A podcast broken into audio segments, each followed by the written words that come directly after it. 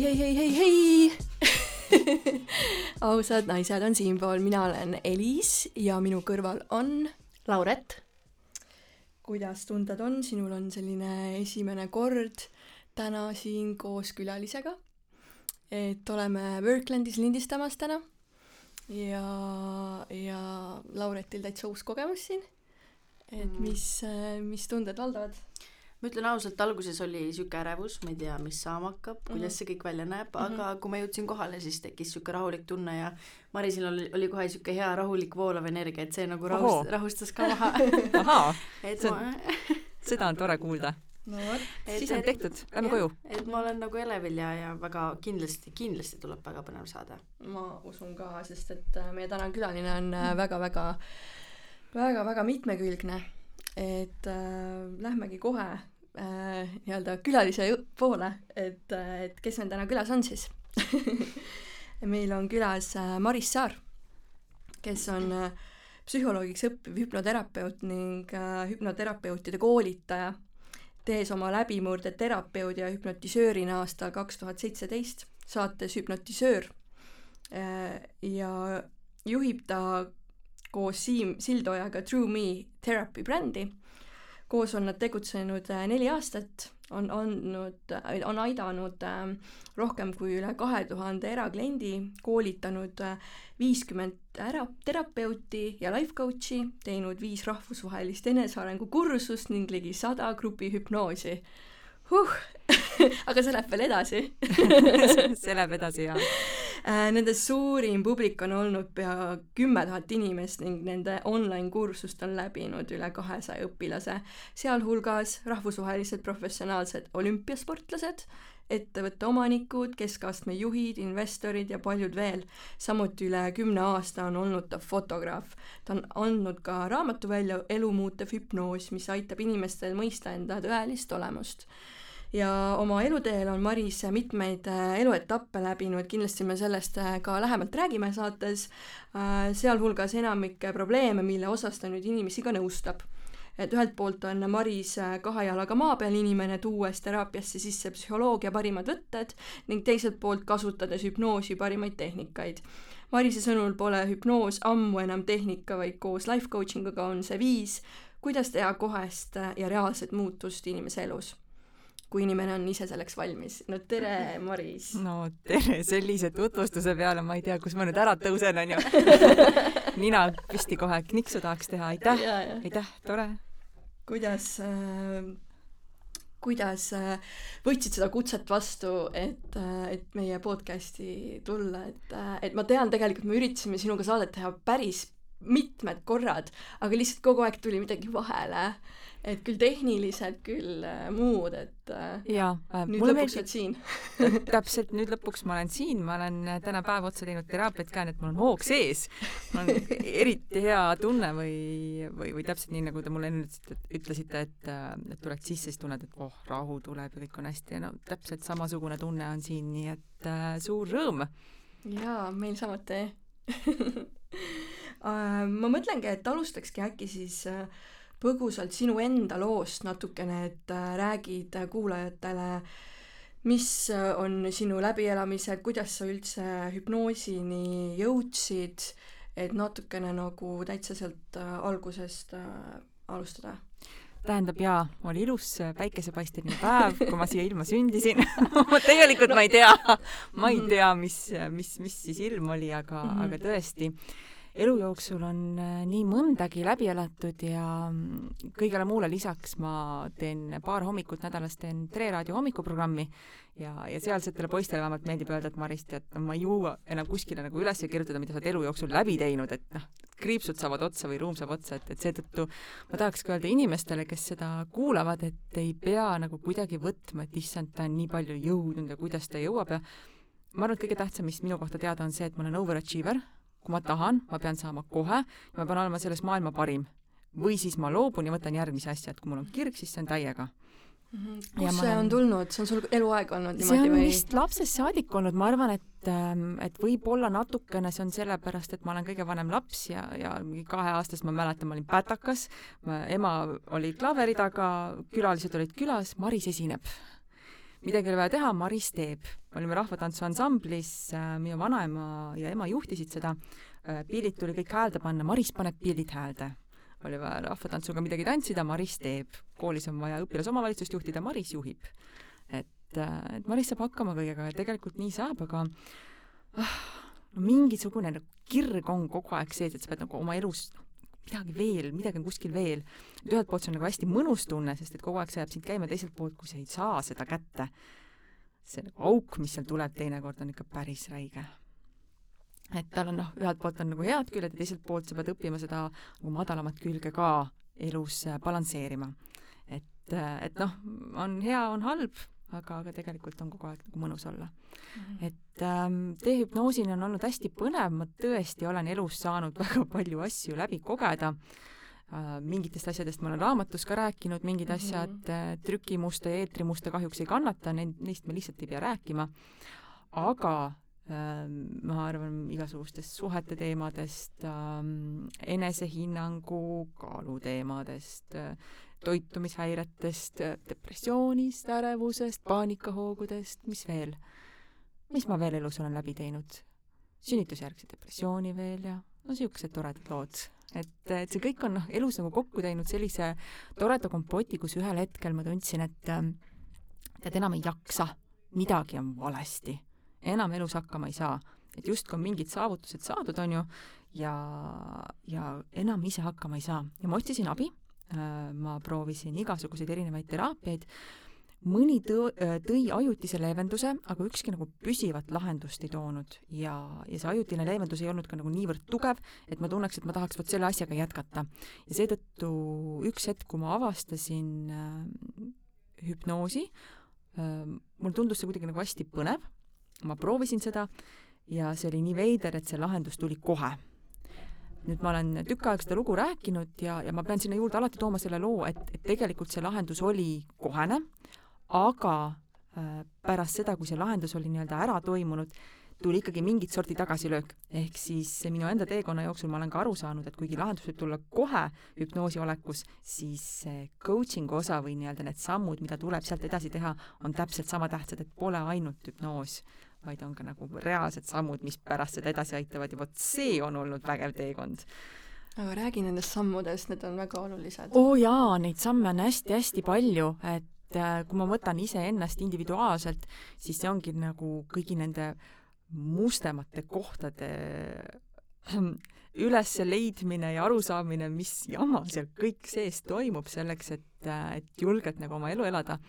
et, et nagu selle tunnistamine endale, et oota, oota, minuga on ka nii, noh et äh, võib-olla ma pean siinkohal seletama, et, et kes usub vähegi tähemärkidesse, siin teie ees on, on ju lõvi, tahaks nagu kõike, tahaks täiega särada mm, -hmm. kes ei usu, ei pea seda üldse kuulama, aga, aga minu jaoks on tõesti olnud nii-öelda üsna keeruline ära lahendada enda sees seda kohta, et kui ma ei saa olla kohe praegu maailma parim, mis siis saab?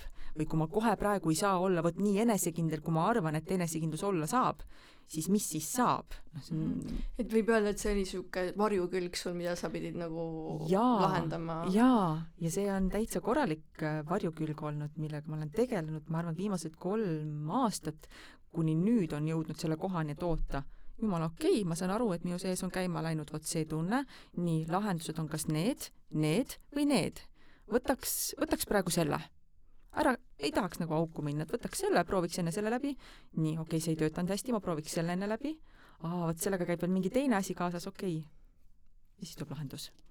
et see nagu teadlikkus sinna juurde ei lase enam minna sinna sügavasse auku, enesearendusauku ma nüüd äh, küsiks ka siia vahele, et äh, räägi sellest saatest, kus osalesid. et inimesed ilmselt tunnevad sind läbi selle kõige paremini, et kuidas sa sinna sattusid ja oled sa nõus selle väitega? mis väitega? sellega, et inimesed tunnevad äh, enamuse ajast sind nagu sealt või nimed tunnevad jaa, sealt ära.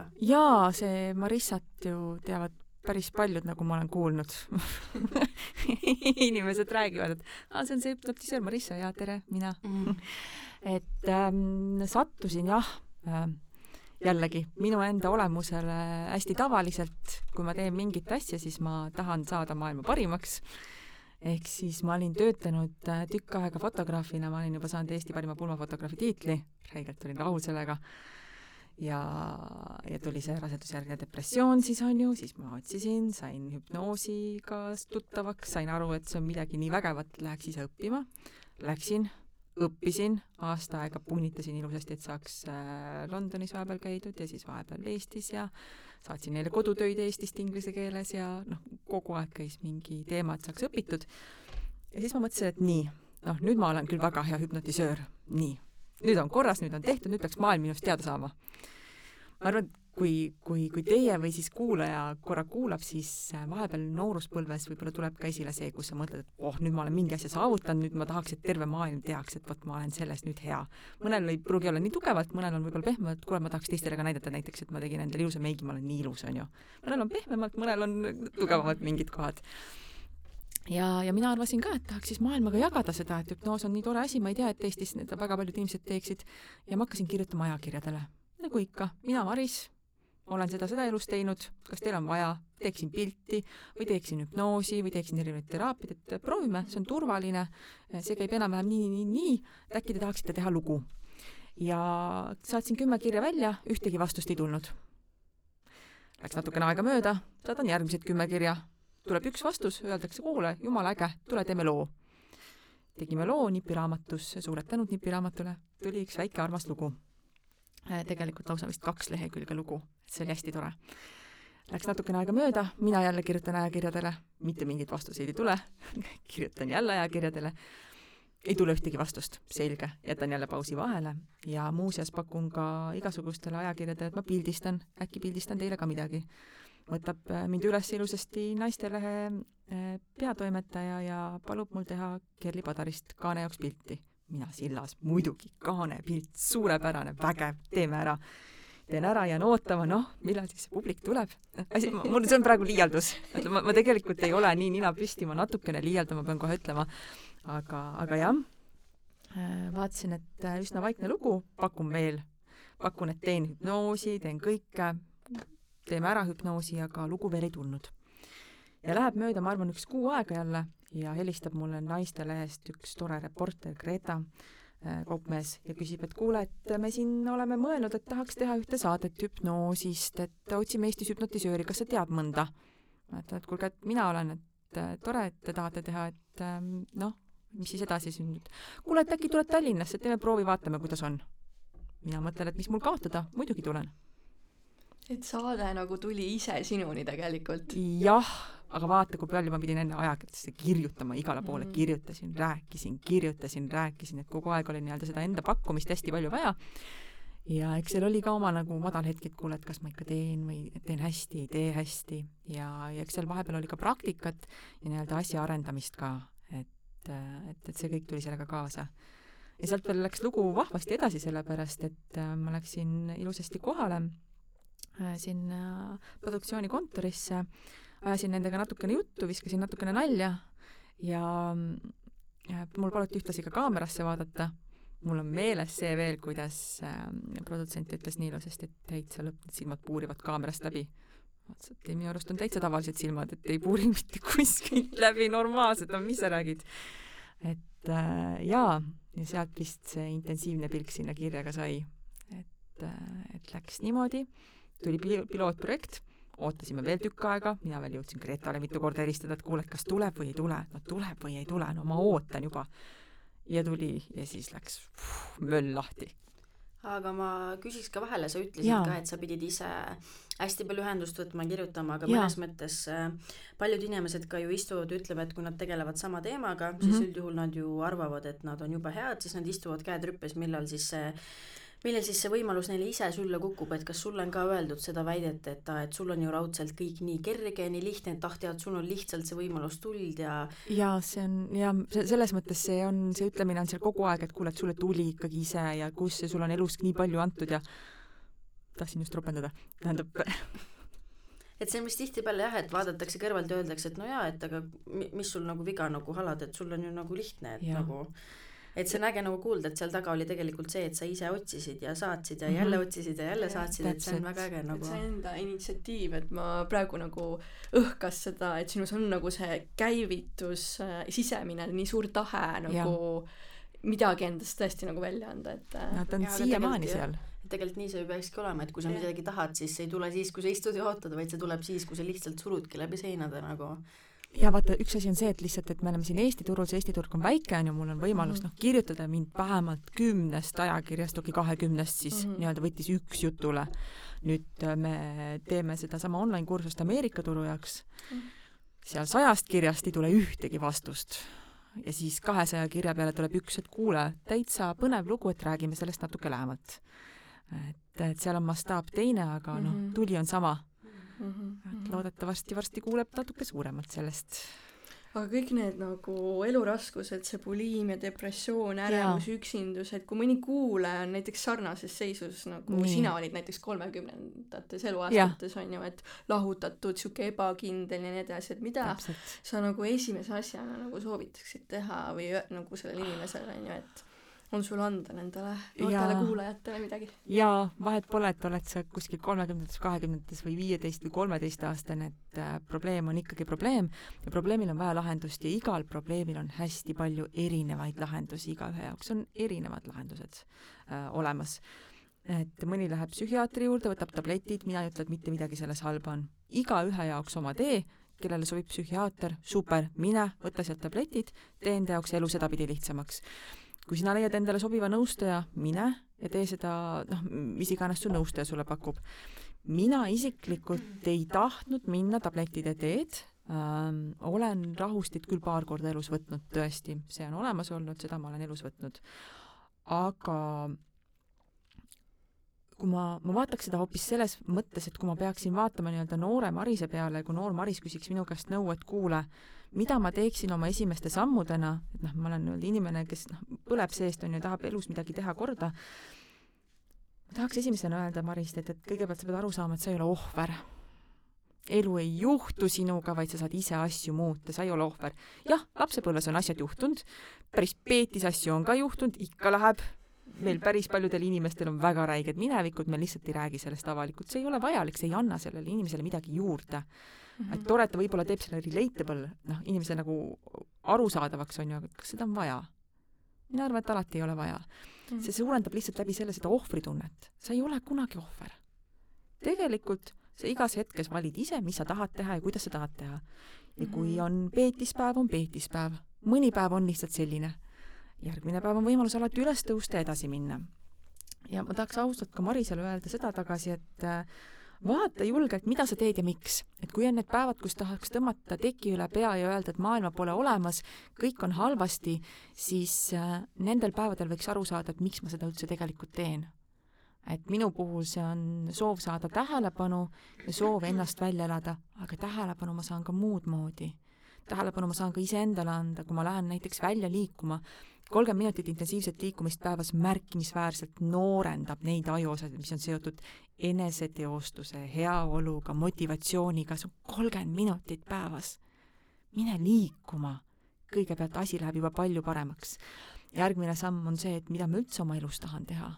ma ei tea, okei okay., aga mida ma lapsena tahtsin teha, mis mind köitis või mis mind natukenegi huvitab, äkki ma saan leida mingid inimesed, kellega koos koostööd teha ma alustasin fotograafina niimoodi, et ma otsisin hästi palju võimalusi, kuidas teha inimestega koostööd, et nad näeksid, kes ma olen, et ma saaksin näidata, mida mina teen ja kuidas ma teen ja läbi selle kasvas kogu aeg tutvusringkond. kas see võib ollagi jällegi see, et jälle see ise võimaluste otsimine, et paljud võib-olla ka istuvad kodus nurgutsevad, et nad ei tea, mida nagu teha, aga mm. -hmm. siis ongi nagu see, et viska ennast nagu maailma välja, et näita, et sa oled olemas ja näita, et ma teen selliseid asju ja et nagu ma aru sain, et siis see on vist ka nagu oluline, et mida sa nagu soovitaksid. Täpselt, täpselt nii ongi. ja läbi kukub alati läbikukkumine tuleb alati. mul alles oli paar kuud tagasi üks intervjuu, mis ma andsin ja, ja minu koostööpartner luges seda ja vaatas mulle täitsa siiralt otsa, et Maris, et äh, natuke läks vist nihu see intervjuu. et äh, ise, kuidas sa ise tunned, et sellega läks, mina vaatan, löön silma talle, ütlesin, et jah, läks veits nihu, et äh, tegelikult ma saan aru, mis osa minust üles tõusis, tahtsin jälle tähelepanu, otsisin natukene valet viisi, kuidas tähelepanu saada. ja kui siit võib nii-öelda kõlama jääda see, et ma nagu räigelt tahaks kogu aeg, et armastage mind, noh, et, et andke mulle, see, see ei ole see koht. mul on mingid väiksed viisid, kuidas ma tahan, et, et ma saaksin tunnustust selle eest, mida ma teen, et ma olen piisavalt hea. ja paar kuud tagasi see hetk lõi ülesse, minult küsiti sellel hetkel intervjuud, ilusasti intervjuus kohe näha, ei olnud minu kõige uhkem hetk, natukene kahetsesin, aga lähen jälle edasi. mis seal ikka ma tahtsin veel hästi korraks küsida, et sa enne mainisid, et äh, et sinu jaoks on, äh, kui inimesel on mingi probleem, siis see on õige, kui ta näiteks läheb terapeudi juurde, saab ravimid, on samas on mm -hmm. ka õige, et ta teeb midagi muud. et kas võib olla ka vahepeal see, et inimene on täiesti nullseisus, ta ei tea, mida teha ja siis ta läheb, otsib kuskilt esimese ettejuhtuva abi, aga ikkagi võib tulla välja, et see ei ole päris see, mida ta nii-öelda võiks kohe esimese variandina nagu kasutada, et kui ta esimese asjana läheb kohe nagu tablette sisse sööma, et siis kas see nagu tema esimesed valikud on alati nagu õiged või ta võiks nagu veel otsida ja veel mingeid valikuid nagu kaaluda? ma ütlen selle peale seda, et tore on, kui inimene kaalub valikuid, et see on hästi tore, kui tal on see jõud ja tahtmine olemas, et, et, et võtta üldse ennast kokku ja otsida. aga see nõuab ka jõudu Äh, et seda üldse teha, sest et kui sa oled seal augus, ega no see ei ole lihtne tegelikult.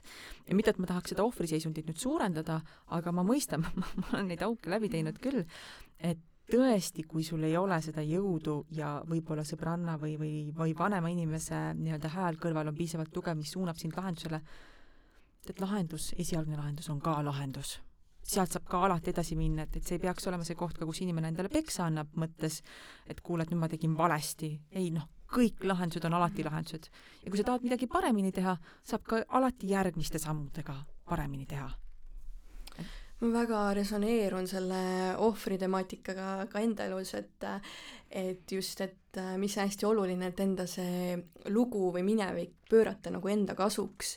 et, et mitte nagu rääkida seda, et mul on nii ja nii ja nii, sellega sa nagu soovidki ju, et sind nagu lohutatakse ja sellist tähelepanu saada, et et see oli nagu üsna nagu minu, minu nagu minevik selline, kus, kus mulle meeldiski olla nagu ohvri rollis tegelikult, kui tagasi vaadata. lohutav nagu et, et me ei tahagi, need ohv-, võib-olla ohvrimeelsed inimesed, nad ei tahagi tegelikult neid lahendusi väga nagu, need, noh, neil on raske nagu jaa, need, neid istub mul vastas ikka, ikka istub vahepeal seal klienditoolis, et äh, ma olen selline terapeut, ma ei hoia kahjuks inimese kätt ja ma ei paita, vaid ma ütlen ausalt ära, nii nagu ma näen ja ma küsin väga karme küsimusi. mõned inimesed nutavad, mõned saavad hästi vihaseks, kuidas ma julgen küsida niimoodi, ja mõnel on valus otsa vaadata, et kuule, et sul vist on õigus. ma ei otsi seda kohta, et mul on õigus, mulle võib ka alati vastu vaielda, sellest pole, aga ma tahaks, et inimene korraks vaataks ausalt enda sisse. sest et ähm, inimene kirjutab umbes pool oma mälu aastaga ümber.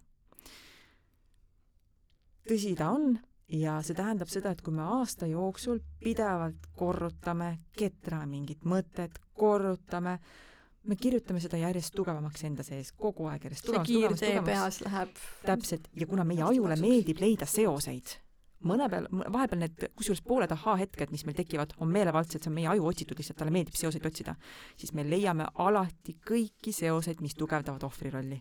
alati, kui sa oled ohvri rollis. see artikkel ütleb nii ja too artikkel ütleb naa ja see terapeut ütleb nii ja too ütleb naa ja alati leiame seoseid mm. -hmm. see nõuab tõelist tugevust iseenda seest, et kuule, et aga ma vaatan maailma natuke teistmoodi. ja, ja tubli Elis et sa oled enda sees ka selle nagu jõu üles, tõesti tubli, sa võiksid ennast kiita selle eest. jaa, mul tõesti, ma kiidangi praegu on mul selline periood, kus ma nagu tunnengi, et ma ei tunne aastatagust helist enam ära.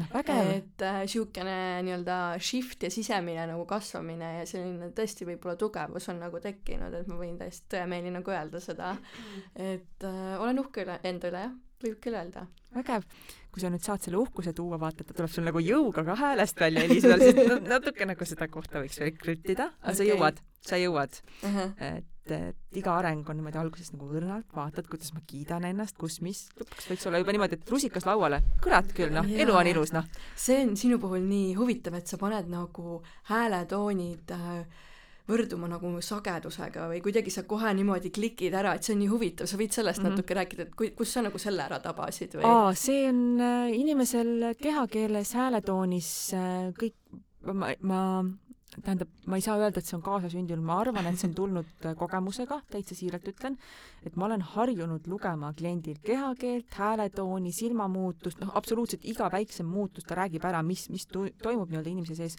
ja, ja niikuinii, kui me vaatame otse näkku, me näeme nii-öelda inimese silmi, on ju, aga tegelikult perifeerne visioon ehk siis see, mida ma silmanurgast näen, see töötab kogu aeg. ja kui ma olen nii-öelda terapeudi rollis, ma praegu olen ka nii-öelda kas siis avaliku elu tegelase või terapeudi rollis, ta on noh, niisuguse õhukese piiriga, ma ka tegelikult jälgin seda ja kuna sa oled noh, life coach'iks õppinud nii-öelda, minu õpilane olnud, siis ma võtsin korraks selle julguse, ma mõtlesin, kas ma ütlen või ei ütle, kas on otse-eeter, oota, kas ma ütlen või ei ütle, ütlen või ei ütle. ei, ma ikka ütlen, Elis saab aru, kui talle ei meeldi, siis pärast lükkab välja jaa, ei ütle ikka, ütle ikka. ma küsiks ka korra, sa ütlesid, et on mingid küsimused, mis on, mida sa küsid, mis on siuksed, et ikka löövad nagu, löövad jõnksu läbi, et too paari siukest näidet, et mille peale oh. inimesed nagu klaasistuvad või hakkavad nutma või lähevad vihaseks või. ohoo, jaa, see, see, nüüd ma mõtlen, kas nad on nii universaalsed äh,. täna oli kolm täitsa erinevat klienti, kõik, kõigil natuke silmad märjad mingil hetkel, aga. Ja see ei ole eesmärk omaette, vaid, vaid lihtsalt vahepeal otsa vaatamine on. aga oota, ma mõtlen korra, mis äh,, nii hea küsimus, aju teise režiimi, nii, tänane päev, mis küsimusi ma küsin siin, mida ma üldse inimestelt küsin? ma arvan, et üks neist võib olla täpselt see, et äh, mis sulle üldse praegusel hetkel on elus tähtis. või mida sa näiteks tänases päevas, millal sa oled enda, mida sa tänasest päevast tegid, mille üle sa oled enda üle uhke. ja vahepeal on mingid äh, täpselt nii-öelda peegelduse küsimused, et kui sa annad endale mõttes kogu aeg peksa, noh näiteks on, on inimesed, kes nagu kogu aeg teevad ennast alla, ka läbi sarkasmi, kui ütlevad mingi asja, siis naeravad he-he-he-he sinna lõppu, et noh, see ei ole enesekindlus. ja kui seda tagasi peegeldada inimesele, et kuule, et kas, kas tegelikult niimoodi mõttes peksa andmisega, et kas sa tegelikult jõuad elus sinna kohta, kuhu sa tahad. kui sinu sees on nii suur ebakindlus, noh, mis sa siis üldse oma elus tahad teha? äkki, äkki nagu tegeleks sellega, et see koht paika saada. vot see on see koht, mis tavaliselt inimesel lükkab ka natukene, et oota, oota, ma teen ka seda. siis hakkab endale peksa andmine mõttes, et oota, oota, nüüd ma annan endale mõttes natukene peksa sellega, ma olen seda halvasti teinud. lapsevanematel näiteks see, et nad on oma lapsi mõjutanud, muidugi kõik lapsevanemad mõjutavad alati oma lapsi. see on loomulik, meie vanemad ka mõjutasid meid. mis teha, noh me oleme lapsed, me võtamegi vanematelt üle. aga see ei tähenda, et me oleme lapsed peeti keeranud. ei ole igal lapsel oma vastutus ka ja, ja sa lõpuks näed, et sina oled normaalne inimene, sinu vanemad on normaalsed inimesed. lõpuks saab kõik asjad lahendatud, ehk siis midagi ei ole kuskilt kadunud, vaid iga asi on alati algus. ja ma ei tea, kas ma vastasin küsimusele ilmselt hästi laialt, aga, aga neid küsimusi on yeah. nii palju, et, et ma mõtlesin, et võib-olla siis ma tooks selle välja mm. -hmm noh, te vaatate mõlemad nii intensiivsete pilkudega, et ma keskendunud. okei jaa, mul tegelikult meenub praegu see, et kui ma noh, olin siin nii-öelda nüüd see, kui vaadata aasta tagasi, on ju, siis ma mhm. tegelikult mm -hmm. kuulasin sinu neid äh, meditatsioone, mis sul seal SoundCloudis on mm, -hmm. ja üks oli nii tugeva sellise huh, energiaga, et ma mhm. võpatasin isegi, ma läksin nagu hirmule, et, et kuidas mm, -hmm. oota, panin uuesti ja siis mul oli, et vau wow,, et nagu hästi tehtud, et hästi nagu mm -hmm. mõjutav, et Vaat, hästi mõjuv. sellega ongi niisugune lugu, et äh, seda õpetas mulle koostööpartner Siim. ma olin varem inimene, kes ähm, noh, natuke ikka tahtis nii-öelda silma paista ja võib-olla niisugune edev ja kogu aeg käis hästi palju juttu ja Siim küsis mu käest täitsa siiralt, et Maris, et äh, kui sa tahad inimesi elus edasi aidata, vaata, kui iga sõna ja iga mõte, iga selle sõna ja mõtte taga on energia ja tunne, siis mida sa tegelikult oma elus edasi annad? ja see oligi see koht, kus ma ema elus jäin vait, ma vist olin päris tükk aega vait, ma võib-olla rääkisin paari päeva jooksul ainult mõned sõnad, sest ma pidin natuke enda sisse vaatama.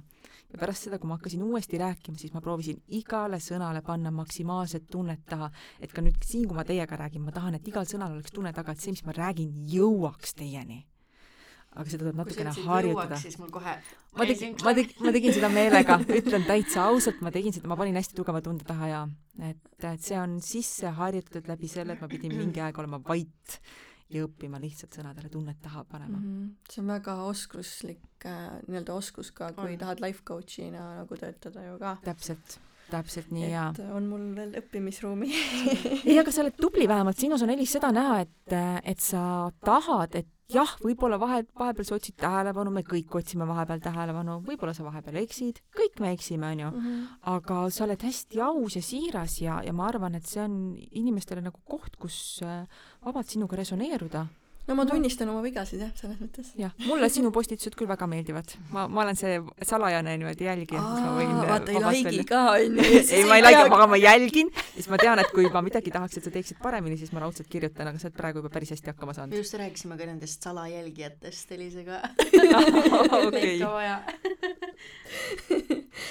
aga räägime veel natukene hüpnoosist, et mis Jaa. sul selle puhul nagu võlub sind?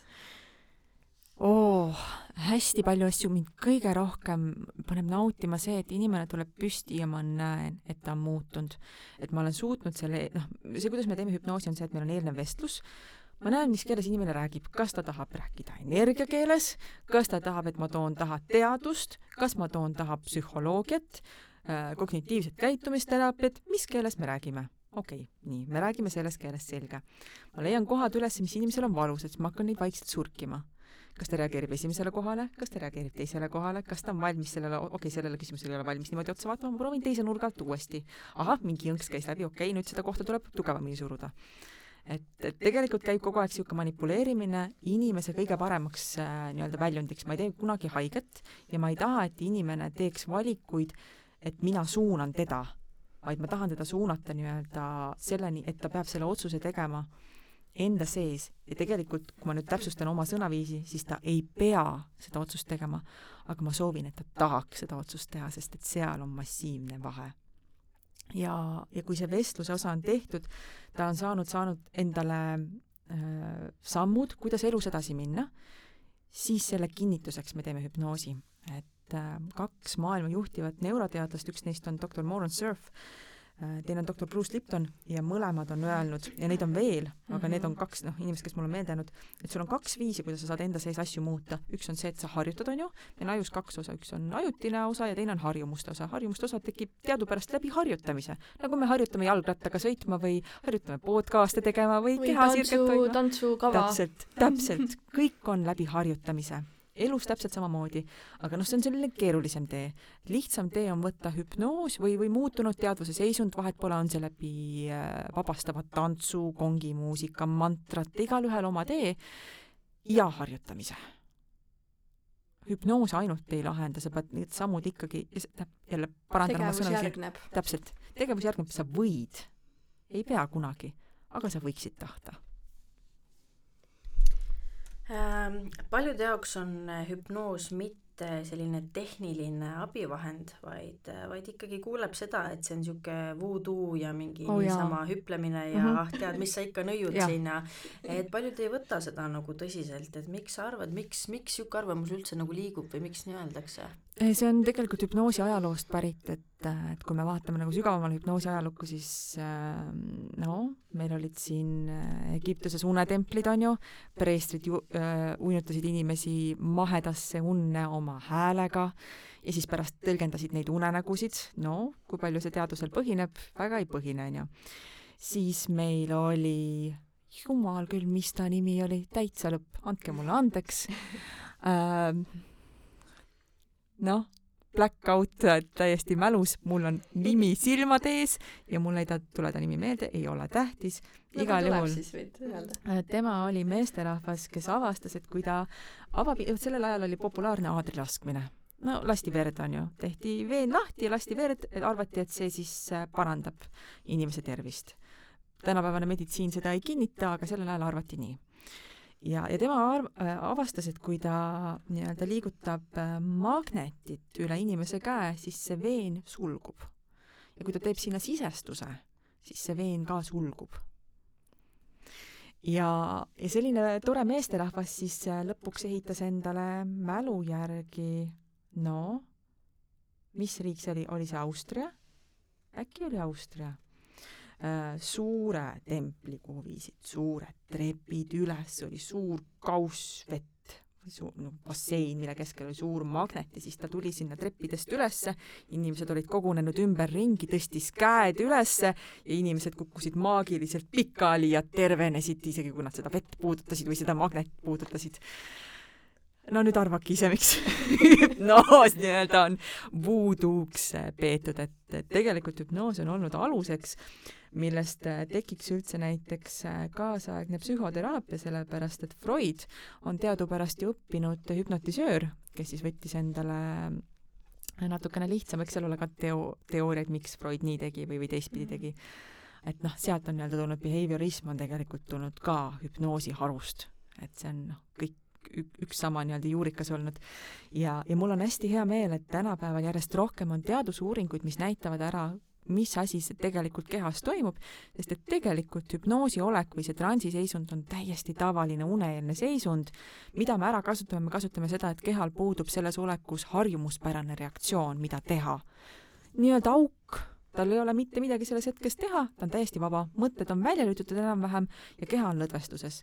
ja me kasutame seda auku lihtsalt ära, et midagi sisse sisestada kusjuures äh, võti on selles, et see sisestus peaks olema maksimaalselt positiivne, sest et neid katseid on ka hästi palju tehtud, et et kui sa paned sinna ei sisse, siis meie alateadvus ei-d ei tunnista.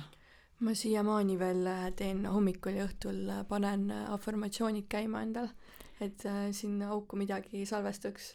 Nüüd minu soovitus sulle on, Helis, kuna sa oled nii tubli inimene, kes iseendaga tegeleb, tee endale ise oma afirmatsioonid jaa, ongi, mul on endale sisse loetud mm. -hmm. vaata, et need kõik laused, mis seal oleks, oleks heliselaused. et see sõnastus oleks sinu enda oma, sest Mhm. et ükskõik, mida sa sisestad, mis on kellegi teise lause okay., see ei kõneta sind helise moodi, täpselt nii, nagu sina ise räägiks aa, okei. nii-öelda vaatad endale peeglisse, mida sa tahaks tegelikult öelda või aasta tagasi Elisele onju, mis sa tahaks öelda talle? seda on väga huvitav kuulda, sest et kui mina alustasin afirmatsioonide teega, siis mitte keegi mulle seda infot ei öelnud, et tegelikult see peaks tulema sinu enda seest mm. -hmm. ja ma korrutasingi nii hommikul, õhtul, lõunal kellegi teise, kas need olid videod, podcast'id mm. -hmm. raamatud, kogu aeg afirmatsioonina mõtlesin, et mis mul viga on, et need lihtsalt ei toimi. et ma korrutan, ma korrutan, ma korrutan, aga nagu mulle võidakse igat juttu rääkida, aga need lihtsalt ei toiminud. et see on nagu tegelikult päris suur asi, mis infot võiks nagu levitada, et need võiks tulla ikka Täpselt. nagu Täpselt. sinu seest, aga seda nagu Täpselt. ei öelda. et seda on huvitav nagu kuulda. ja minu viga, et see ei ole laiemale publikule meie videote järgi läinud, et ma tegelen videotega, andke mulle kuu aega aega palun veel. aga kuna me life coach'i natukene äh, puudutasime, siis äh, mis sinu arvates, mis toimub life coach'i maastikul Eestis?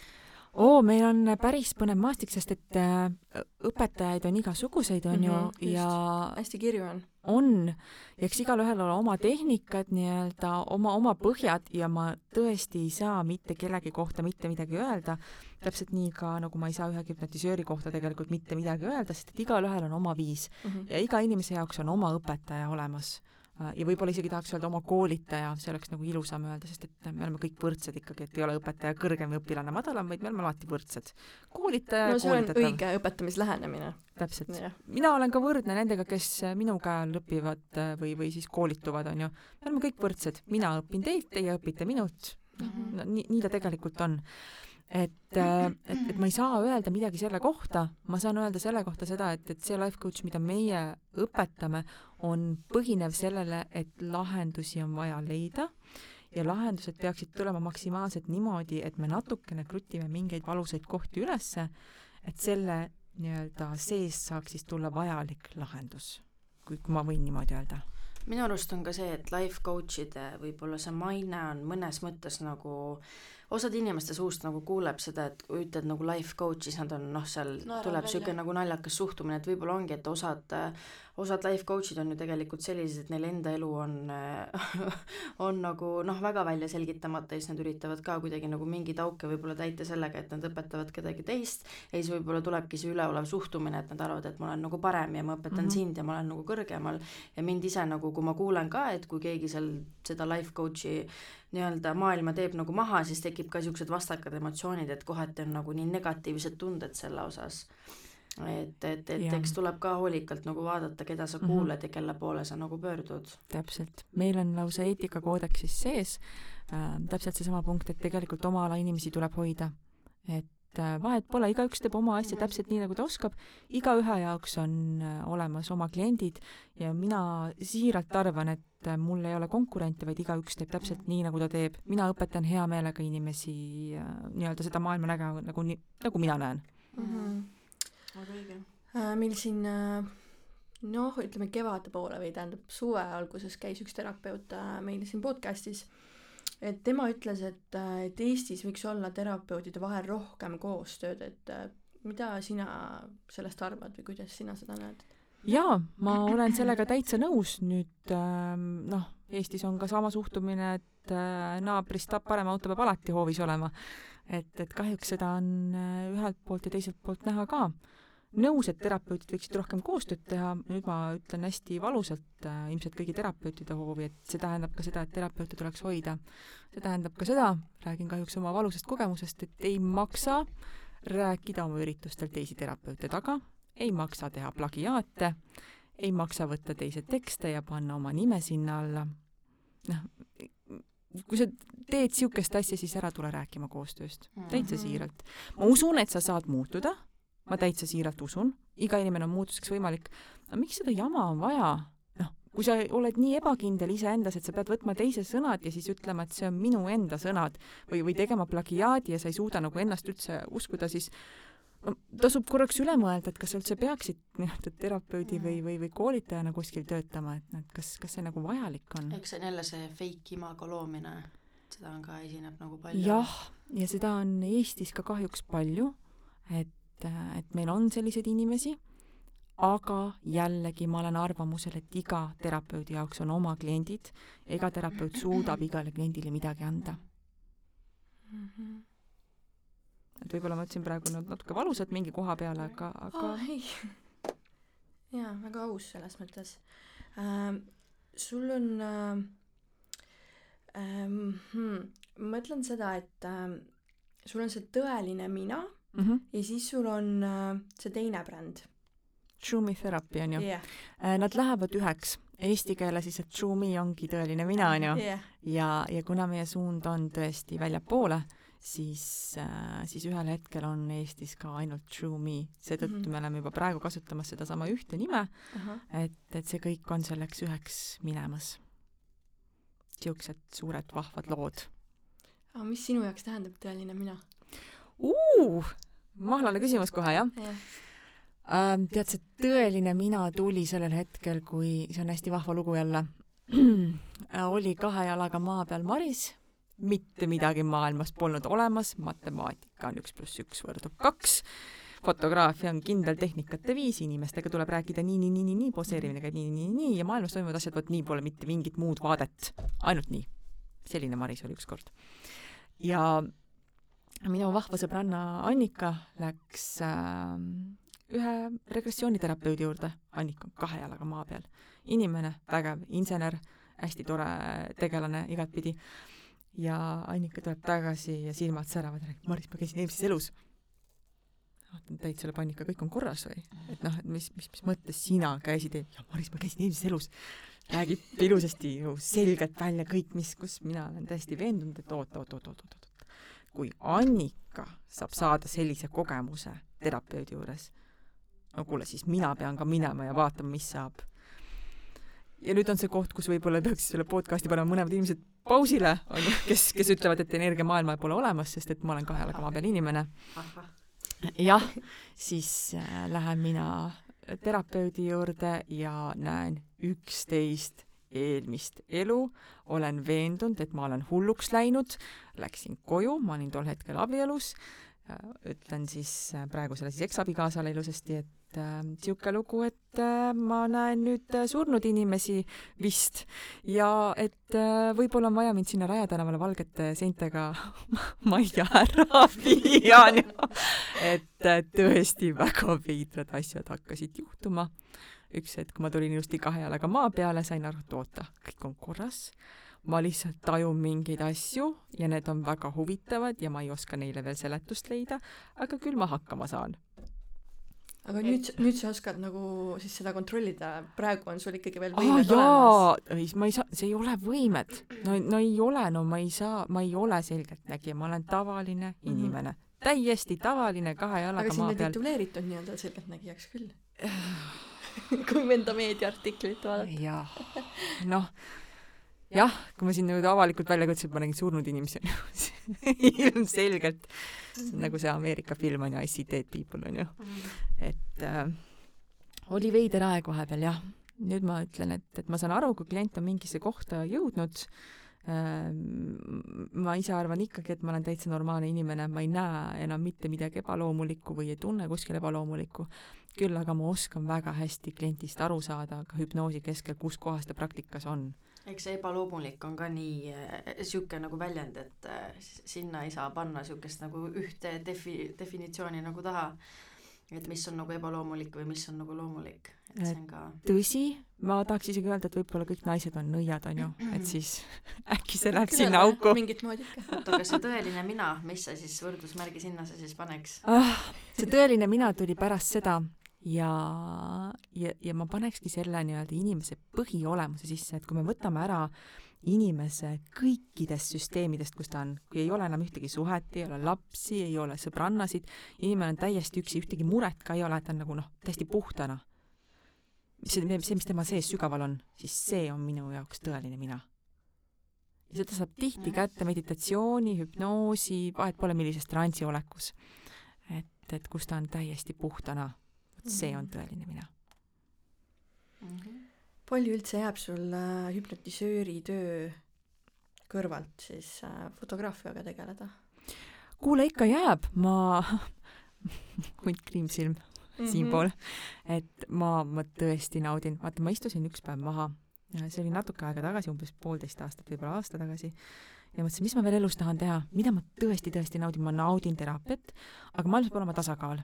üks on see, et ma töötan oma peaga, ma töötan oma nii-öelda sisetundega, ma töötan klientidega, ma pean füüsiliselt midagi kätega tegema, ma ei saa muud moodi, ma pean kätega tegema.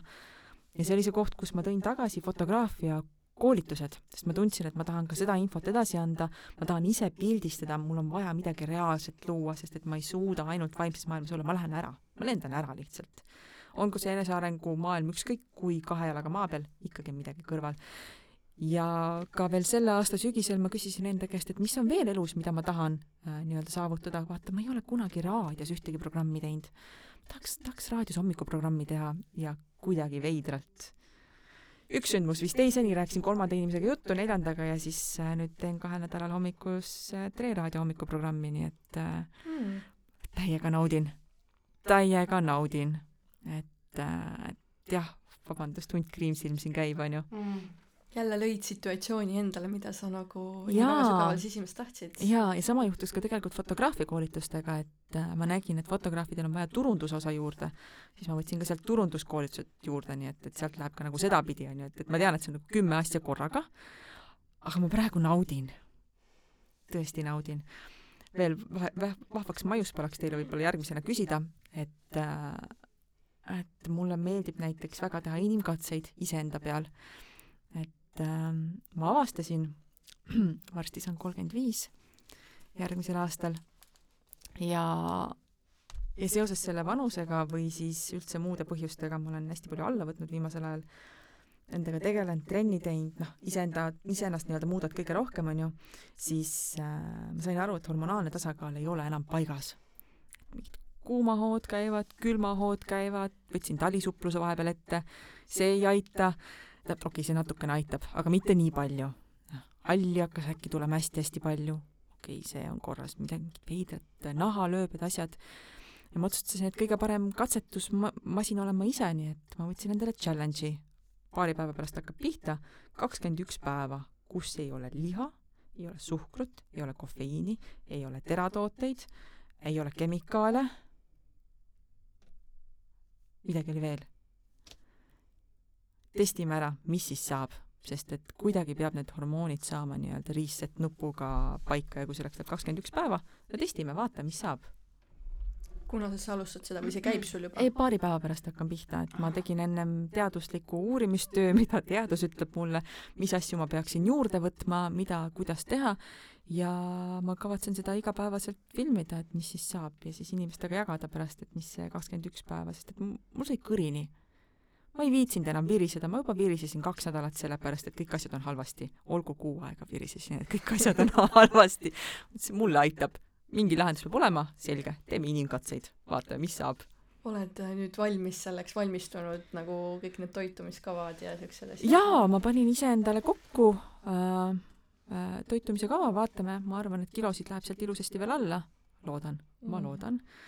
Äh, ilmselt tuleb elujõudu veel rohkem juurde, halle juukseid juurde Mhm. vaatame mis saab Mhm. Mm, ma veel küsin natuke hüpnoosi kohta Jaa, palun. et sa oled õppinud äh, regressiooniteraapiat et kas Jaa. sa kasutad neid äh, võtteid ka hüpnoosi seansil et äh, tead ma kunagi kasutasin mm Ähm, paar aastat tagasi, kui ma alles alustasin, oli regressioon väga suur teema ja, ja kui hüpnotisöör käis, siis oli ka regressioon teema. nüüd, kuna ma olen õppinud psühholoogiat juurde päris palju, siis äh, ma näen oma õpingutest ja uuringutest seda, et inimesed on võimelised oma sündmusi ja mälestusi ümber kirjutama ja tegema neid täpselt sellisteks, äh, nagu nad tahavad ehk siis lastel võivad olla vabalt valemälestused äh, lihtsalt keegi on midagi rääkinud ja laps võtab selle omale nii-öelda oma mälestuseks, sest see tundus nii põnev, nii vahva, nii vägev, ta võib reaalselt mäletada seda pilt pildilt. aga see pole tema mälestus. Et, et sama on ka eelmiste eludega, et, et võib-olla olles oh, ise olnud nii-öelda eelmiste elade rännakul, ma mõtlen, et mis ta mulle juurde andis, teadmise, et mingid asjad on kunagi olnud, võib-olla niimoodi, ma ei tea, kas need on päris, võib-olla on, võib-olla mitte. aga mis ta mulle praegusesse hetke juurde annab? Et ma olin kunagi ahv või no võib-olla olin siis või et ma olin kunagi kuskil kuningas või kuninganna, et no ma mõtlengi, et kas on üldse nagu vaja seda nagu minna surkima, Täpselt, onju, et äh, see ei, täpselt. minu meelest ei anna tegelikult see väga midagi, et ma sain teada, et ma see on võib-olla see ka, kui palju sa seda infot omale ligi lased, kui palju sa lased mõjutada, et mind isiklikult nagu lihtsalt puhtalt huvi pärast huvitakse mm. -hmm. aga, aga mitte nagu sellises võtmes, et ma lähen nüüd sinna sisse ja nüüd käitun selle järgi, et tegelikult kõige tähtsam on ju see, mille pärast sa oled siiamaale tulnud. Ja kui sa hakkad nagu mingite muude elude peale keskenduma, siis sul see, selle maa mm -hmm. elu fookus ju kaob ära, et ma ütleks seda, et see võib-olla teadmine on, on vajalik, aga nagu, et Mhm. mitte minna siis nii sügavuti sellega. sellega ma olen täitsa nõus jaa, et, et kindlasti peaks oma kriitilise filtri äh, ees hoidma ja, ja tõesti, kui me vaatame elu eesmärki, siis äh, see on hästi tore küsimus, millega tihti kliendid mul vastas on, et noh, mis mul siis selle elu eesmärk on. ma tahaks öelda, et elu nautida. Kogu aeg teed oma eesmärgid täpselt selliseks, nagu sa tahad, kui sul ei ole ühte universaalset eesmärki.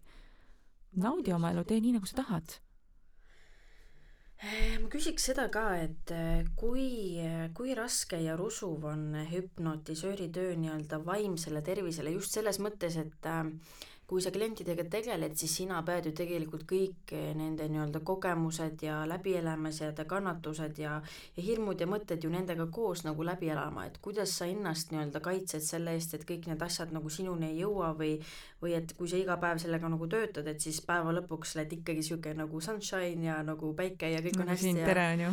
et sa, et kuidas, kuidas sa nagu teed seda, et need sind negatiivselt ei mõjutaks ja need kõik nagu sinuni nagu ei jõuaks, et see on ju päris raske päevast päeva niimoodi nagu see on hästi huvitav eeldus äh, ja ma kindlasti vastusega ei taha sind maha teha, et palun ära seda arva, et, et ma igaks juhuks ütlen ette, et, et ma kindlasti ei taha üheski vastuses kedagi kunagi maha teha. parandaks natukene küsimust, kui tohib. töö ei ole üldse raske ja, ja ütlen, et tegelikult võiks iga inimene teha iga tööd ainult sellepärast, et nemad saavad sellest ise kasu. mina teen tööd sellepärast, et mina saan sellest kasu, ma naudin seda naudin inimeste aitamist, ma saan sellest endale emotsionaalse laksu, et ma olen inimest saanud aidata. aga sul on nagu mingi nipp siis äh, kui, et seda nagu nende raskust nagu Eh, jaa, see nipp on see, et tema on klient ja sina oled terapeut ja sina ei ela temaga koos asja läbi. ei, see, see on algajate terapeutide teema tihti, et nad võtavad kõik esimesed kümme, kakskümmend klienti enda sisse, siis toimub kokkukukkumine, alati toimub kokkukukkumine, nad lükkavad selle korraks enda seest välja, enamik kasvatab ennast uuesti sealt üles ilusasti ja läheb edasi ja mõned annavad alla, ütlevad, nad ei saa hakkama. ja see on ka okei okay viis esialgu olla, võib-olla edasises elus tahaks seda kohta tugevamaks teha, see on tore. aga et noh, minu jaoks on klient klient. ma tõesti mõistan teda, ma proovin kaasa mõelda, aga haletsemisega on alati see koht, et äh, ma ei taha kunagi kellelegi kaasa tunda, sest et kui ma tunnen kaasa, siis ma arvan, et mul on paremad võimalused kui tal. ei ole me oleme võrdses seisus, me tegime Aafrikas enesearengulaagri, me käisime orbude kodus, orbude nii-öelda koolis ka ja ma tean, et meil üks laagri tütarlaps elas kaasa nendele orbudele, me küsisime täpselt samamoodi, et aga, aga miks sa nagu nutad nendega kaasa? vaata, tegelikult ka siin, neil on see orbude kodu olemas, neil on söögid olemas, nad on siin õnnelikud, naeratavad, meie tuleme, jagame neile kingitusi, me jagame neile oma aega, me õpetame neile mediteerimist. Neil on tegelikult ju kõik võimalused olemas. Aafrikast on nii palju edulugusid. Miks sina arvad, et sina oled nendest paremas kohas? sa ei ole nendest paremas kohas, me oleme võrdsed.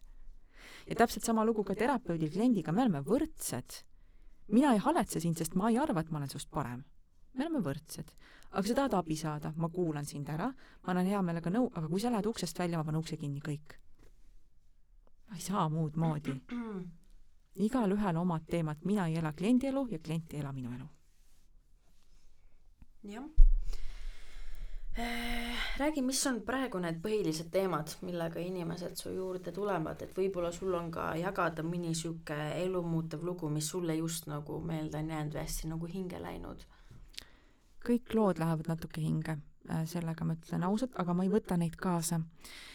minu lemmiklugu äh, inimesed tulevad hirmudega hästi palju äh, ja depressiooni ja ärevusega viimasel ajal. Ja kuna meile meeldib oma peas panna tähendusi absoluutselt kõigile, siis inimesed sellele veidrale tundele, mis on nende sees, on pannud nimeks ärevus ja ketravad seda suuremaks ja tavaliselt ka terviseprobleemideks. me teeme selle ärevuse valmis oma peas, me teeme need hirmud valmis oma peas ja täpselt samamoodi me saame neid ka lahendada minu vastuvõttes on viimased äh, kolm aastat umbes äh, pooleaastase vahega käinud üks tore tütarlaps, minu arust ta hakkas pihta, kui ta oli kaksteist. Äh, ta oli endaga hästi kehvas kohas, ta lõikus ennast, tal olid suitsiidikatsed, tal oli depressioon, ta ei käinud koolis, tal oli buliimia, terve räige nimekiri asju.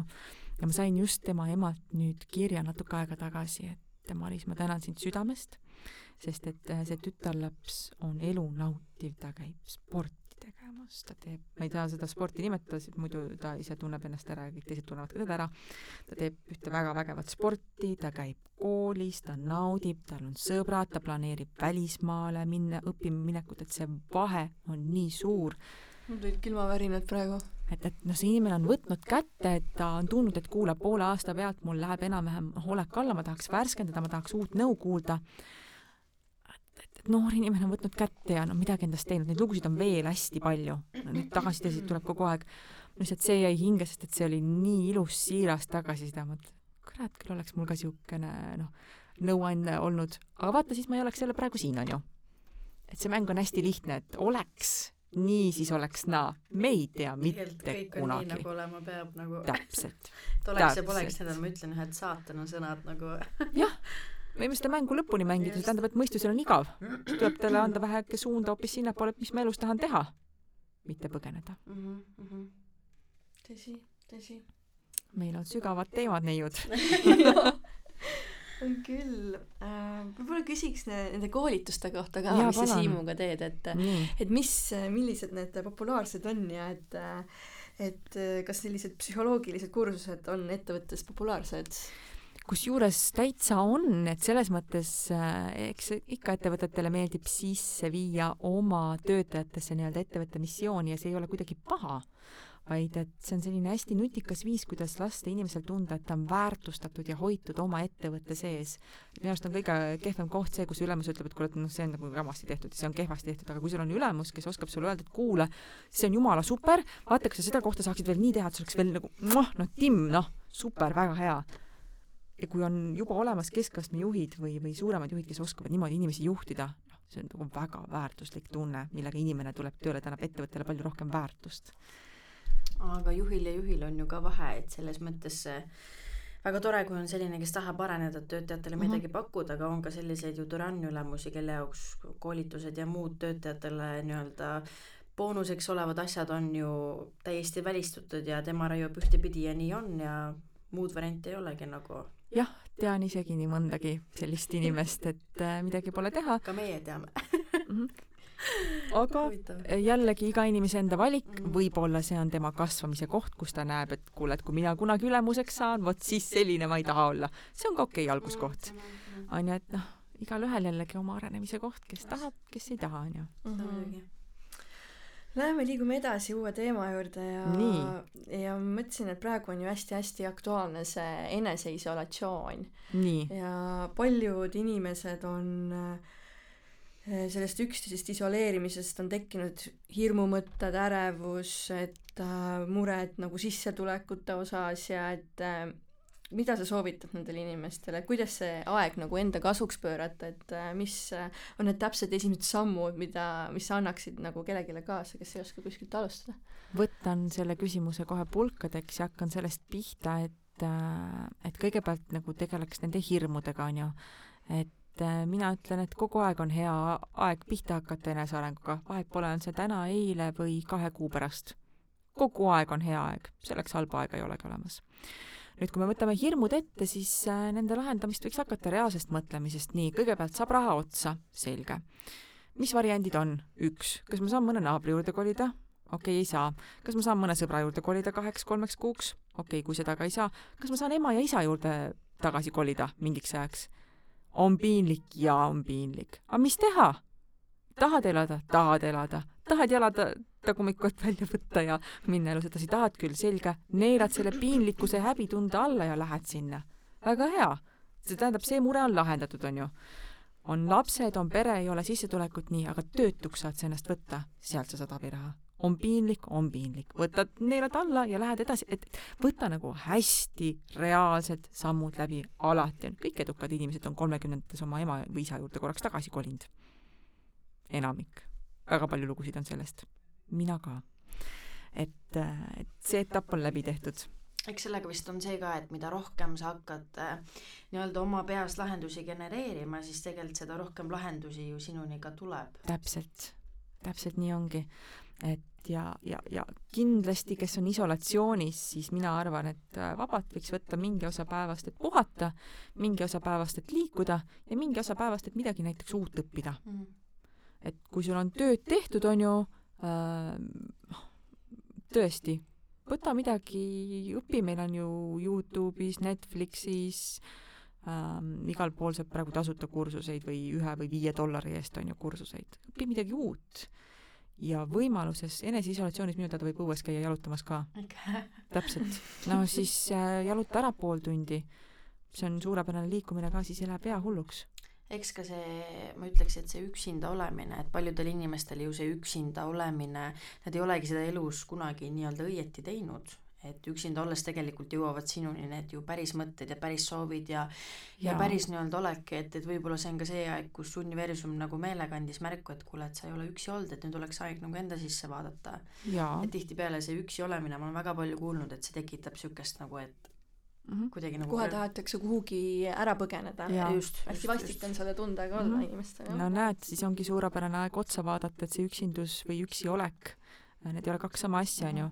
et üksiolek ei ole üldse suur kuri hunt äh, mis, mis su mõtted teevad, ketrad ennast korraks paanikahooni, okei okay,, tuleb paanikahoog, tuleb teke, tunne, et kohe suren ära, kõige hullem, mis juhtub, on see, et kehal tekib kaitsereaktsioon, ta lükkab sul teadvuse välja, sul lükkab pildi silma eest mustaks, sa ärkad paari minuti pärast ülesse tehtud.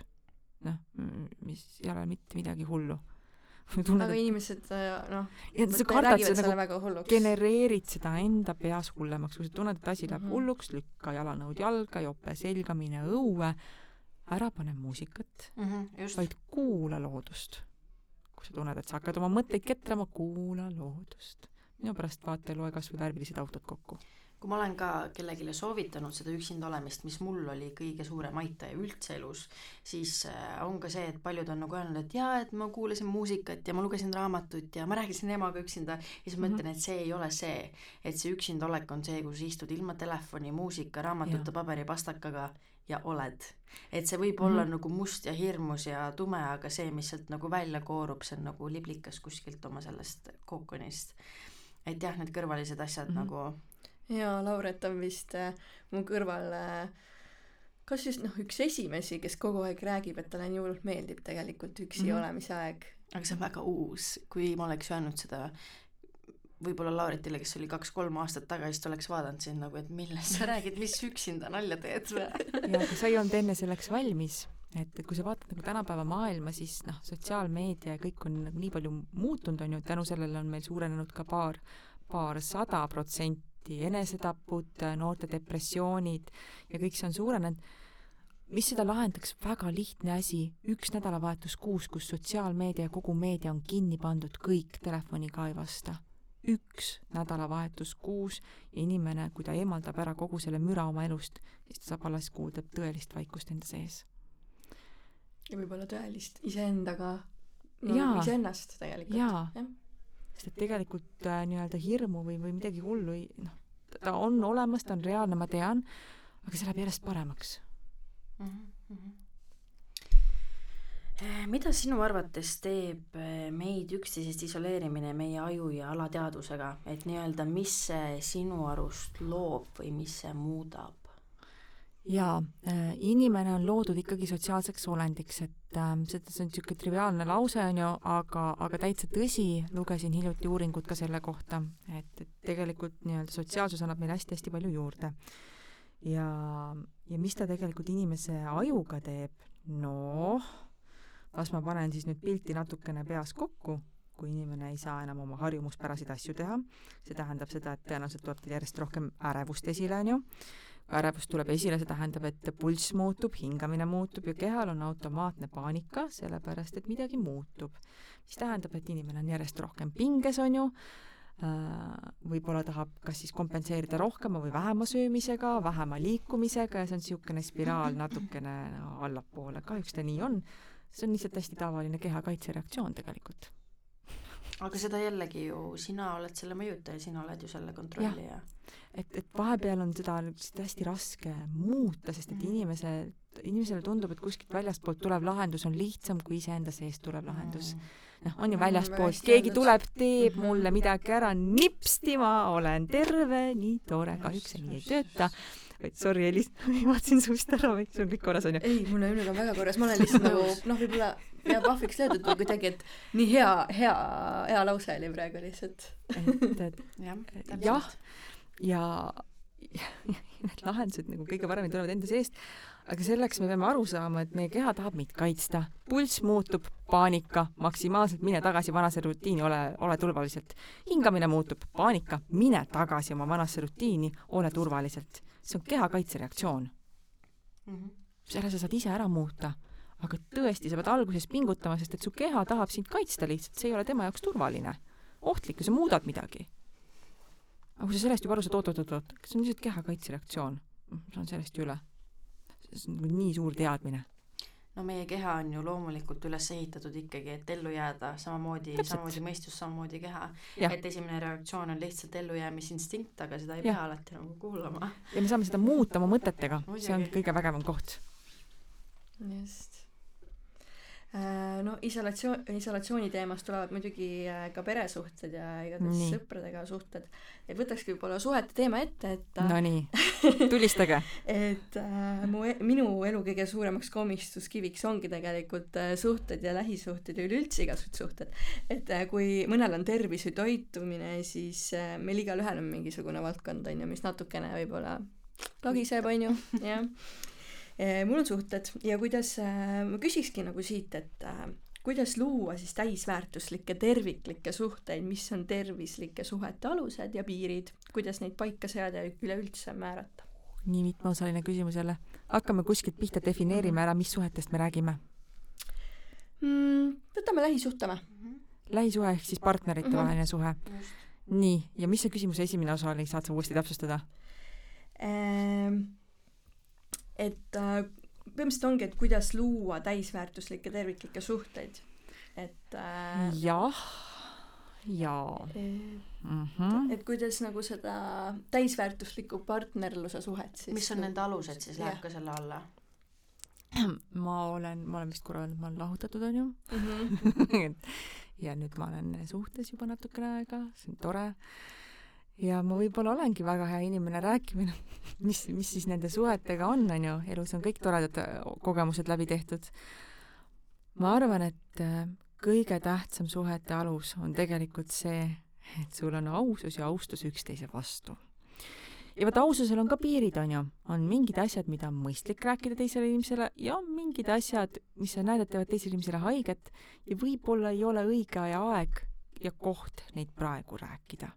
Kui üldse. ma võin siin selle teemaga ükskõik kuhu poole minna, ma arvan, et kõik saavad aru, mis, mis teemadest ta ise enda jaoks parasjagu räägib just ja, ja ausus võiks ka alati olla nii-öelda kokku lepitud, et kui midagi häirib, see tähendab seda, et, et ähm, on niisugune vahva mõte, mida ma kohe jagan. võib-olla olete elus ise kogenud ka, et et äh, tuleb mingi tule, tunne ülesse, kaaslane vajutab päästikule ja sul tuleb esimene tulistamine, teine tulistamine, kolmas tulistamine, neljas tulistamine, kõik saab endale kätte. ja kaaslane tõmbab automaatselt äh, nii-öelda paanika asendisse, nii, mis toimub?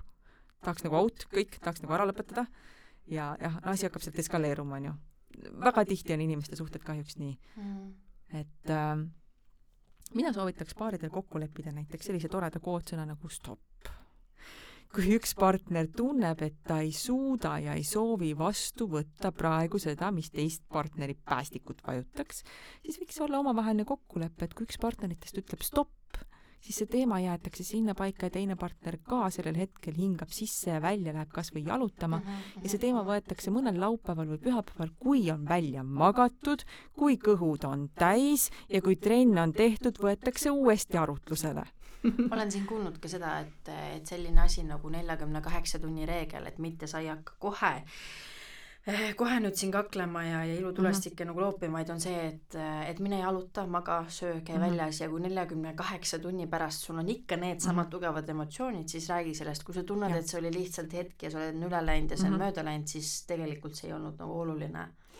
nõus ja, ja selles hetkes võiks ikkagi olla, sest et kui see päästik vahepeal on väga-väga tugev siis ma arvan, et võiks olla mingi viis, kus mõlemad korra nagu teevad selle automaatse out'i onju, et ma tahaks ja. nagu välja korraks, et räägime mõni päev, kus on noh, kõhud täis, trenn tehtud, välja magatud, mõlemad saavad maha istuda ja läbi rääkida, sest et noh, emotsiooni ajal see ei ole kunagi parim versioon ma näen hästi palju enda ümber ka seda, et seda kuidagi, kõik ju tegelikult loomulikult teavad, et suhte alus on ka communication, et omavahel mm -hmm. suhtlus. ja hästi ja. palju ma näen seda, et nii palju lihtsam on, et kui sul on mingi probleem või mure või error, siis nii palju lihtsam on minna kellegi teise sõbranna või tuttava juurde, et ta tegi seda ja siis ta tegi seda mm -hmm. ja mulle ei meeldinud see ja see ja see, mis mm -hmm. on ka tähtis, aga ja. tegelikult kõige olulisem on see, et esimese asjana sa tunneksid oma sees, et sa saad ka minna täpselt sedasama juttu rääkima oma partnerile seda. et ma hästi palju olen näinud seda, et kurda, kurd-, kurtakse kõik oma sõbrannale ära mm, -hmm. ta võib sulle mingi nii-öelda enda arvamuse anda, aga tegelikult see ju ei muuda ei sinu suhtes nagu midagi mm, -hmm. vaata. et nagu rohkem võiks olla nagu selle nagu, kuidas ma ütlen äh,, nagu rääkimist selle osas, et, et needsamad tunded, mida sa räägid oma sõbrannale või tuttavale, et sa tunned sama mugavalt, et minna ka tema juurde, öelda, et kuule, et ma tunnen nii ja minu arust sa tegid seda valesti.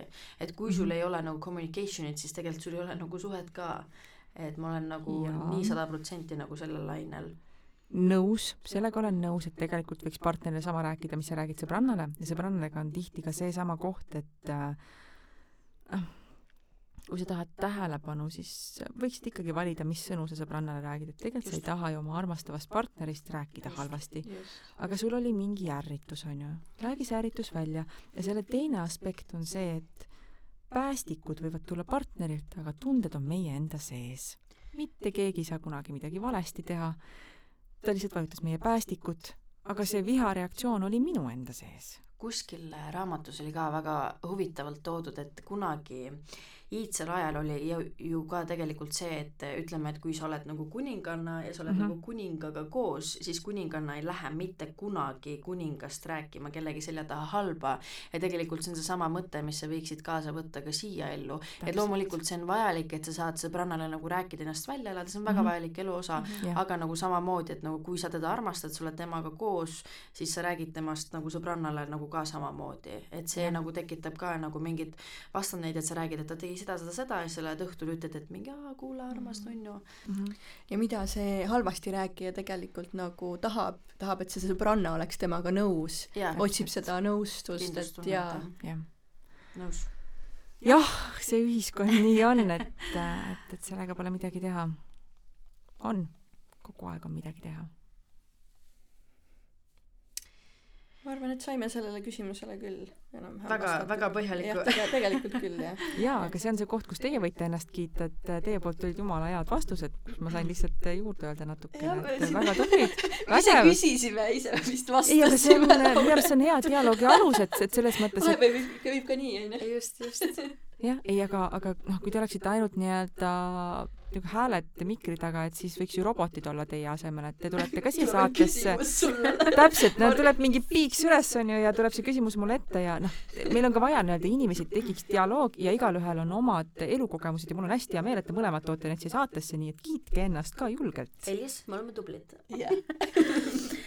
aga ma küsiks ähm, et mõnikord ma märkan inimeste puhul, enda puhul ka, et, et me teame küll nagu oma väärtust, aga aga et selleks, et kellelegi meeldida, siis võib-olla isegi, et mõne kindla inimese puhul me hakkame iseendas nagu oma neid väärtusi pisendama ja ennast väiksemaks tegema ja, ja võib-olla esitlema nagu ennast sellisena, kes me ei ole, aga ma ütleks ka see, et see ei ole võib-olla nagu kõigi puhul, et võib-olla sa inimesest tunnetad mingit energiat ja siis sa tunned vajadust, et okei okay,, et äkki ma peaks olema väiksem inimene, äkki mu väärtused mm -hmm. on mhm. nagu valed, et miks sa arvad, et miks see on ja millest see nagu üldse võib tekkida jah, eks selle see mulje küsimus, et mis, mitu, mitu sekundit see oli, kui inimene teeb teisest inimesest nii-öelda selle esmamulje.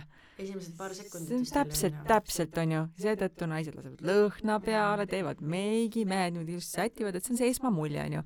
siis läheb paar kohtingut mööda, siis tuleb nagu päris inimene, läheb paar aastat mööda, saad aru, et oota, kellega ma üldse koos olen mm et, et see esmamulje on ja me püüame seda nii meeleheitlikult jää-, jätta sellepärast, et need tulevadki nii-öelda esmalt kõigepealt nähtavale.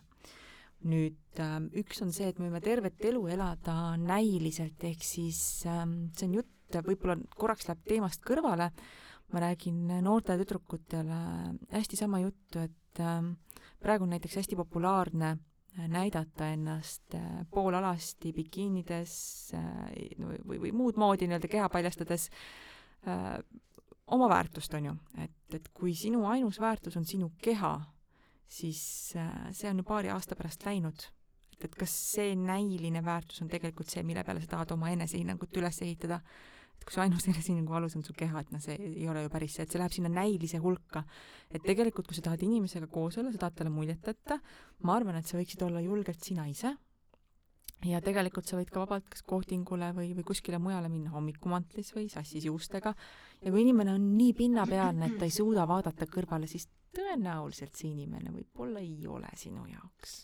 eks sellega ole ka see, et võib-olla kardetakse seda, seda tõrjumist ja seda, et sa saad nii-öelda korvi yeah., et siis ongi nagu see, et tegelikult kui see inimene ei samastu sinu väärtustega mm -hmm. või ei, nagu ei sobi sulle või te ei sobi kokku, siis yeah. see on nagu täiesti okei okay,, et sa ei pea sellepärast nagu oma nagu väärtusi kahandama, et seda nagu äraütle, ütlemist meeletult nagu kardetakse mm. -hmm ja seda äraütlemist kardetakse sellepärast, et enda väärtus on ehitatud välisse hinnangu peale kui sinu väärtus tuleb enda seest, siis võib sind sõimata, karjuda, ka kõige lähedasem inimene võib valusalt öelda, aga see ei kõiguta sind absoluutselt, et sinu väärtus on kogu aeg iseenda sees. see ei ole sinust väljaspool.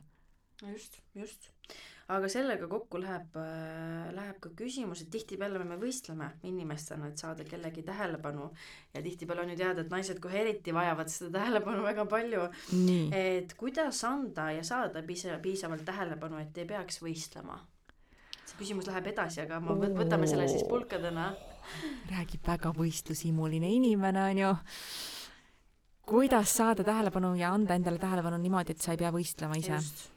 Äh, ma arvan, et võiks alustada sellest, et iga inimene kõigepealt mõtleb välja, mida ta üldse tahab ja siis ta annab seda nii-öelda tähelepanu iseendale. ehk siis, kui ma tunnen ennast hästi, ma toon näited täitsa enda elust, kui ma tunnen ennast hästi, et ma teen endale meigi, soengu, panen ilusa kleidi ja lähen sellega näiteks kontserti kuulama üksi ma tunnen ennast niimoodi hästi, väga hea, ma annan seda iseendale ise. kui ma tunnen, et ma vajan lisatähelepanu, ma teen mõne vägeva video, panen selle ülesse ja vaatan, kas sealt tuleb, noh, see on natukene väljaspoolt otsimine ühelt poolt, aga teiselt poolt ma tunnen ennast hästi jälle seda tehes. Et ta on selles mõttes ka sisemine, on ju. ja, ja kui tekib juba see võistlusmoment, et ma tahaks olla kellestki parem. Ah.. siin ongi siis jah, et kellele me seda siis üldse jagama peaksime nagu, seda tähelepanu esmakäigus võiks kogu aeg kõike teha nii, et mul on hea mm. -hmm. täiesti isekalt. kõigepealt ma teen tööd sellepärast, et mina tahan, ma saan sellest midagi, siis ma aitan oma kaaslast, sest et mina saan sellest midagi.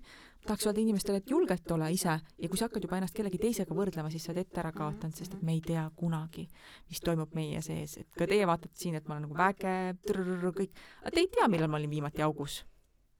Te ei tea, mis ma seal tegin, mis mul elus tegelikult toimub, keegi ei tea see on väline fassaad, mis siin on näha, noh, reaalsus tuleb jutus ka nii-öelda välja, on ju, aga kellega me siis tegelikult võitleme? ainult iseendaga ju. see on mõttetu võitlus kogu aeg. võiks teha täpselt nii, et ma tunnen, mul on hea. täna tuleb see mõte, tahan teha niimoodi enda heaks, teen nii. täna tuleb hoopiski see mõte, tahan, lähen paljajalu jalutama, lähen, tahan, lähen talisuplema, lähen, tahan, lähen üksi kontserdile, mees ei tule kaasa, ei viitsi, vahet pole. Lähen ise. Mul on kogu aeg hea, tahan spaasse, mees ei viitsi tulla, ma lähen ise.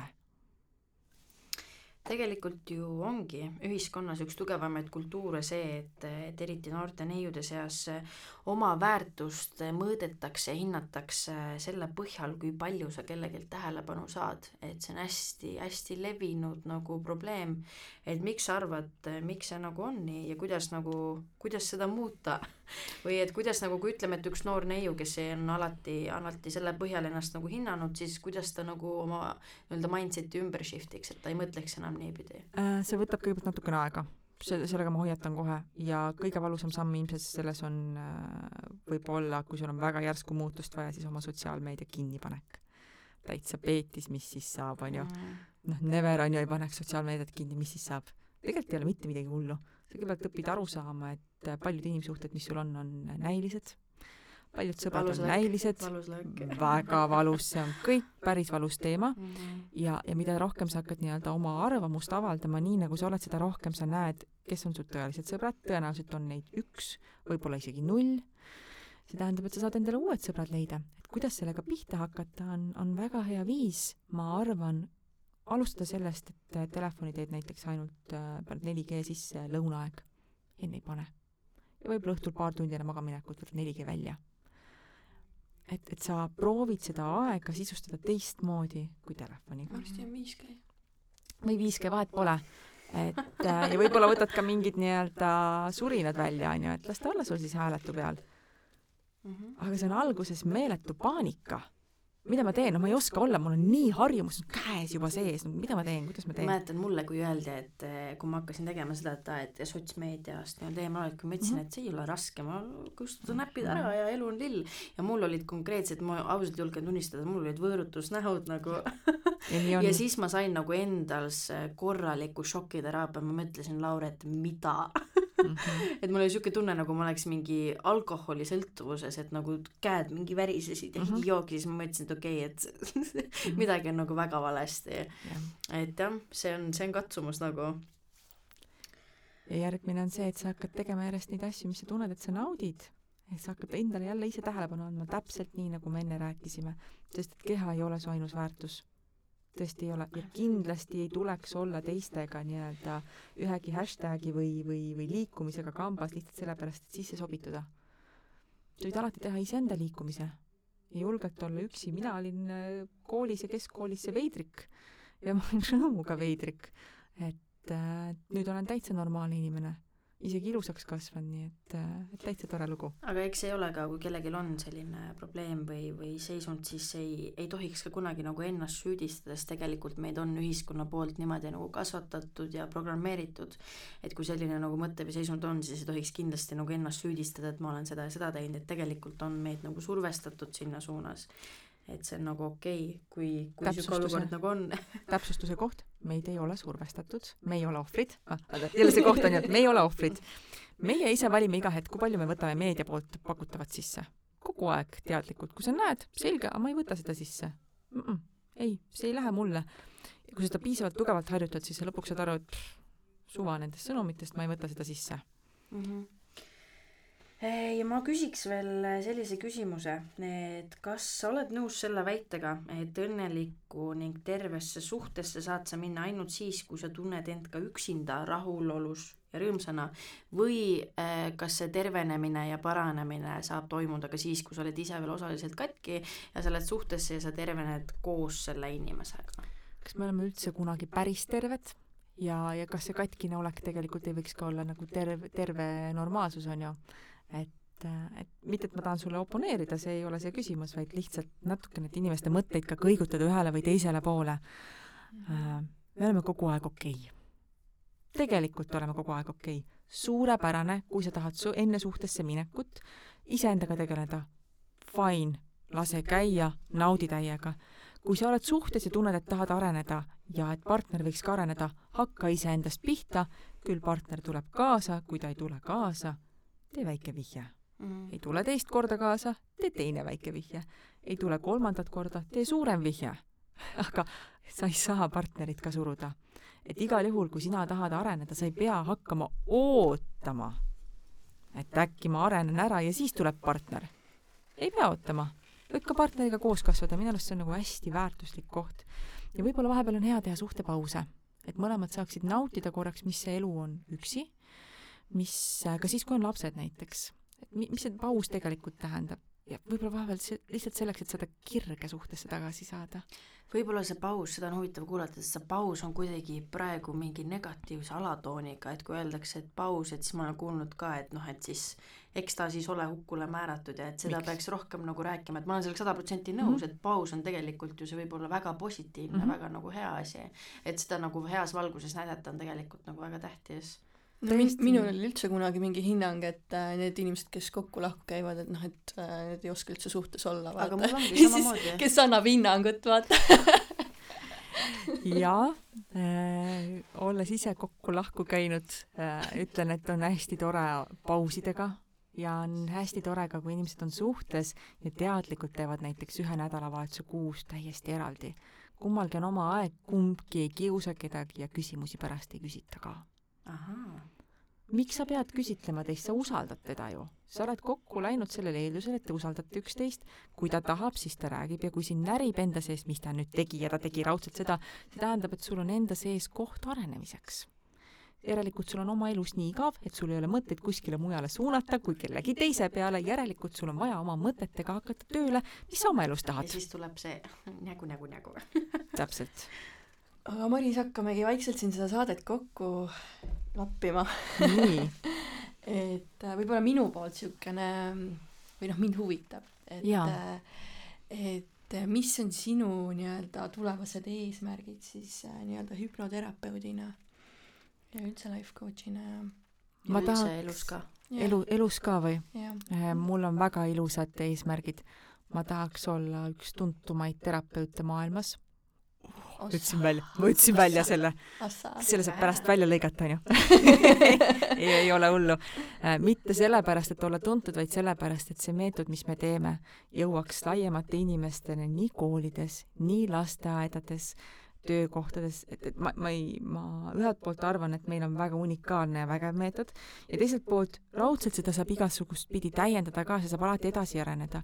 aga lihtsalt see, et inimestel oleks võimalus ühe-kahe seansiga saada endale abi ja sellist nagu põhjapanevat abi, maailma vaadata vägevalt, see võiks olla midagi, kuhuni jõuda jaa, ma ei küsinud seda küsimust ka niisama, sest ma tunnetasin, et seal on mingi suurem eesmärk ja ma tahtsingi teada seda kuule, aga Maris ka, kui, kui sa eesmärgi välja ütled, siis on suurem tõenäosus, et sa sinna, sinna ka nagu jõuad, versus see, kui sa hoiaks seda nagu enda teada, et siis äh, jah, eks ta ole selline suurem vaal on ju, mida, mida tahaks nagu püüda elus, eks neid väiksemaid eesmärke ole ka, aga väiksed vaalasid on ka.